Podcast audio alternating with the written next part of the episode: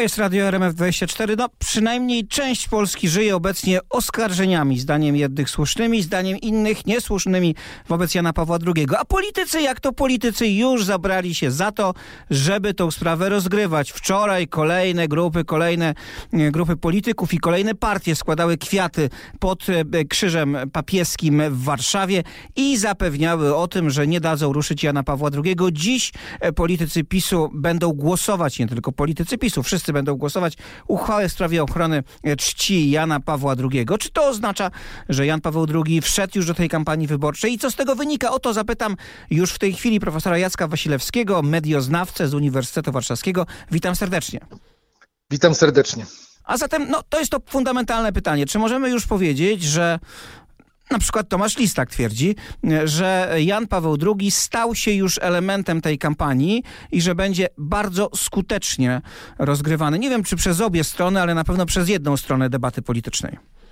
No właśnie, mm, ja byłbym ostrożny w, mm, w tym, w ocenie tego, co mówi Tomasz Lis, bo wydaje mi się, że y, Tomasz Lis żyje w jakiejś takiej swojej rzeczywistości. Natomiast y, patrząc na to, y, czy rzeczywiście w kampanii wyborczej coś się opłaca, czy nie, to na pewno nie opłaca się atakować papieża w kontekście wyborczym, dlatego że walka toczy się o grupy, które są niezdecydowane i te grupy, które są niezdecydowane, można powiedzieć, E, nie, nie, nie pójdą e, mm, do wyborów dlatego, że papież będzie atakowany i że będą chciały skończyć z tym, co papież e, mm, robił, kiedy żył. To nie jest jakby temat, który, który jest jakimś tematem związanym z powstrzymaniem czegoś albo rozpoczęciem czegoś. Natomiast to, co obecnie obserwujemy, to jest, to jest próba zmiany ramy E, dotyczącej mm, podjęcia bądź niepodjęcia działań przez, e, przez papieża czy ówczesnego kardynała e, na, na jakiś atak na Kościół, bo, mm, bo tylko dzięki temu, że mm, no, stworzy się wrażenie jakiegoś ataku na Kościół, będzie można zrobić dwie rzeczy. Po pierwsze zmobilizować kogoś do obrony, czyli bronimy całego Kościoła, a nie, a nie że tak powiem, otwieramy jakiś tam część dyskusji o Janie Pawle II, a druga rzecz jest taka, że, y, że, y, że wtedy no, można się podpiąć do jakiejś, y, do jakiejś większej wojny wywołanej przez siebie w obronie wartości. Więc, no dobrze, więc wydaje się, że się uda, bo to jest, to jest jedno z fundamentalnych pytań, bo o ile dla pokolenia powiedzmy 50 plus 45 plus, 40 plus. Jan Paweł II jest żywą postacią, która określiła bardzo wiele ich wyborów, którzy mają w pamięci jeszcze e, wydarzenia choćby związane z upadkiem komunizmu, nawet własnej pamięci. O tyle dla ludzi młodych to jest trochę debata zastępcza. Ich to szczerze mówiąc, nawet wierzących, jakoś szczególnie nie interesuje. Tak, ale gra, gra wydaje się, że nie, nie toczy się o, o, młodych, tylko o tych, którzy zaczynają cierpieć z powodu e, dużej inflacji, podwyżek, podwyżek cen prądu, które wynikają z zaniechania transformacji energetycznej e, przez wszystkie wcześniejsze rządy. I to powoduje, że, mm, że, mm, że ta grupa, która była do tej pory zmobilizowana, mogła myśleć o tym, że coś może trzeba zmienić, że, że, że może nie jest tak radośnie, jak, jak się mówi, a dzięki temu, że uwaga zostanie przekierowana na, mm, na wojnę tożsamościową, czyli że atakowany jest jakiś rodzaj tożsamości narodowej, czy tożsamości związanej e, z autorytetem, wiarą i tak dalej, to to zmieni się agenda, czyli o czymś innym będzie się mówić. I w tym sensie podtrzymanie y, pewnej grupy, która mogłaby y, się wykruszać powoli, jest kluczowe dla Y, dla formacji, która obecnie, y, obecnie rządzi.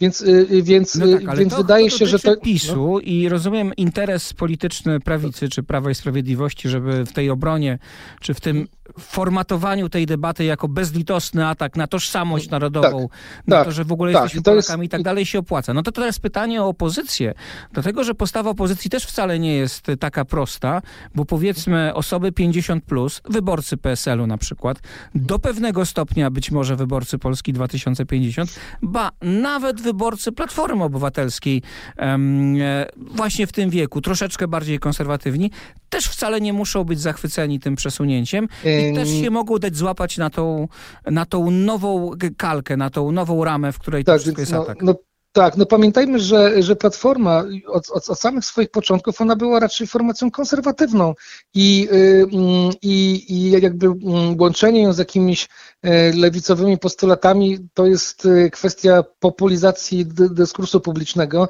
czyli takie stworzenia takiej, takiego wrażenia binarności, więc na pewno nie jest tak, że osoby, które, które są praktykującymi katolikami albo nawet nie praktykującymi, ale katolikami, z którym papież mocno skleił się z historią emancypacji narodowej, będą zachwycone tym, żeby, y, żeby mm, e, na bazie papieża y, przekreślać jakieś jego, no, mm, żeby, żeby wykorzystywać, y, wykorzystywać cały wizerunek papieża, a nie, a nie, że tak powiem, mm, rozpatrywać tylko jedną jakąś, jakąś sprawę, bo, bo, bo pamiętajmy, że, że no, jest to jedna ze spraw, które próbuje się zmienić, więc według mnie do tych, którzy, którzy, których będzie próbowała zmobilizować lewica, która i tak jest antyklerykalna, ale, ale zupełnie inne wśród młodych ludzi są, tak jak już pan redaktor powiedział, y, priorytety związane z wolnością albo związane z tym, e, z, nie wiem, z poszerzaniem jakichś, e,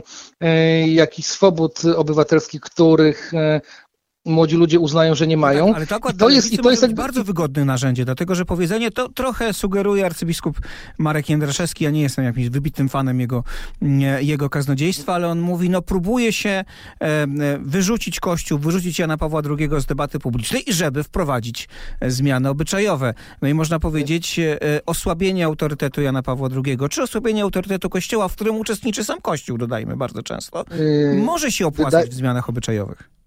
Może, tylko wydaje się, że tutaj większym wrogiem jest sam arcybiskup Jędraszewski, który rozwinął bardzo wiele frontów e, takich ekskluzywnych, czy związanych z, z, wykluczeniem, niż papież, bo jeżeli, jeżeli mówimy o papieżu, no to on był raczej inkluzywny i w tych słynnych jego przemówieniach jest bardzo wiele takiej inkluzywności. Tak jak powiedzieliśmy, wie, więcej młodych osób jest obecnie mm, w lewicy, zwłaszcza kobiet i, mm, i, tutaj, e, i tutaj nie kwestie papieża będą ważyć, ale kwestie związane z obyczajowością, dostępem do środków antykoncepcyjnych, pewnymi kwestiami jak, e, jak powiedzmy, nie wiem, e, środki menstruacyjne w szkołach, więc to są takie rzeczy, które są bardzo praktyczne i które budzą więcej emocji wśród młodych ludzi niż sama figura papieża, która, tak jak już pan redaktor powiedział, jest, jest odległa, więc jeżeli byśmy powiedzieli sobie, o kogo gramy, to, to w przypadku lewicy figura papieża jest zbyt mało zbyt mało emocjonująca, żeby, y, żeby na tej podstawie rozpalać jakiś ogień,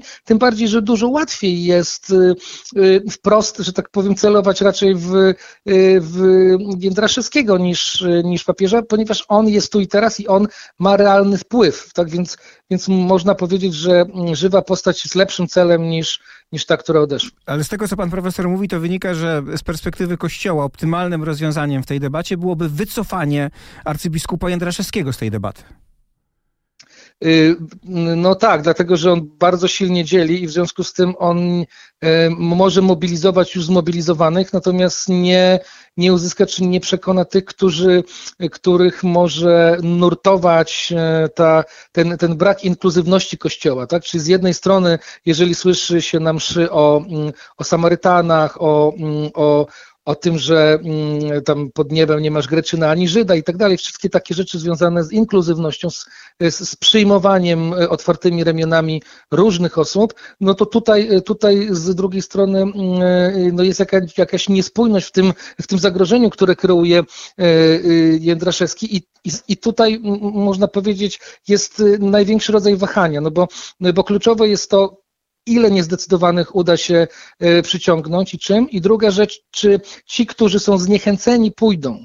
Tak więc, e, bo, bo to, czy, czy my bardziej, czy mniej, e, że tak powiem, no, dociśniemy tutaj radykalną śrubę, to to, to to nie sprawi, że się uzyska więcej głosów.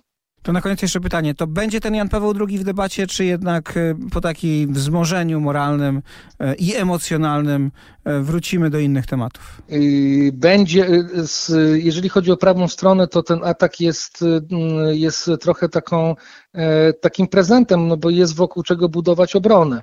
Tak, bo wcześniej był gender, był, był potwór gendera, później były inne rzeczy, które, które, by, które służyły do mobilizacji. No i teraz można powiedzieć, odbranzawianie Jana Pawła II jest, jest dobrym, dobrym motywem, bo dużo bardziej realnym dla prawej strony.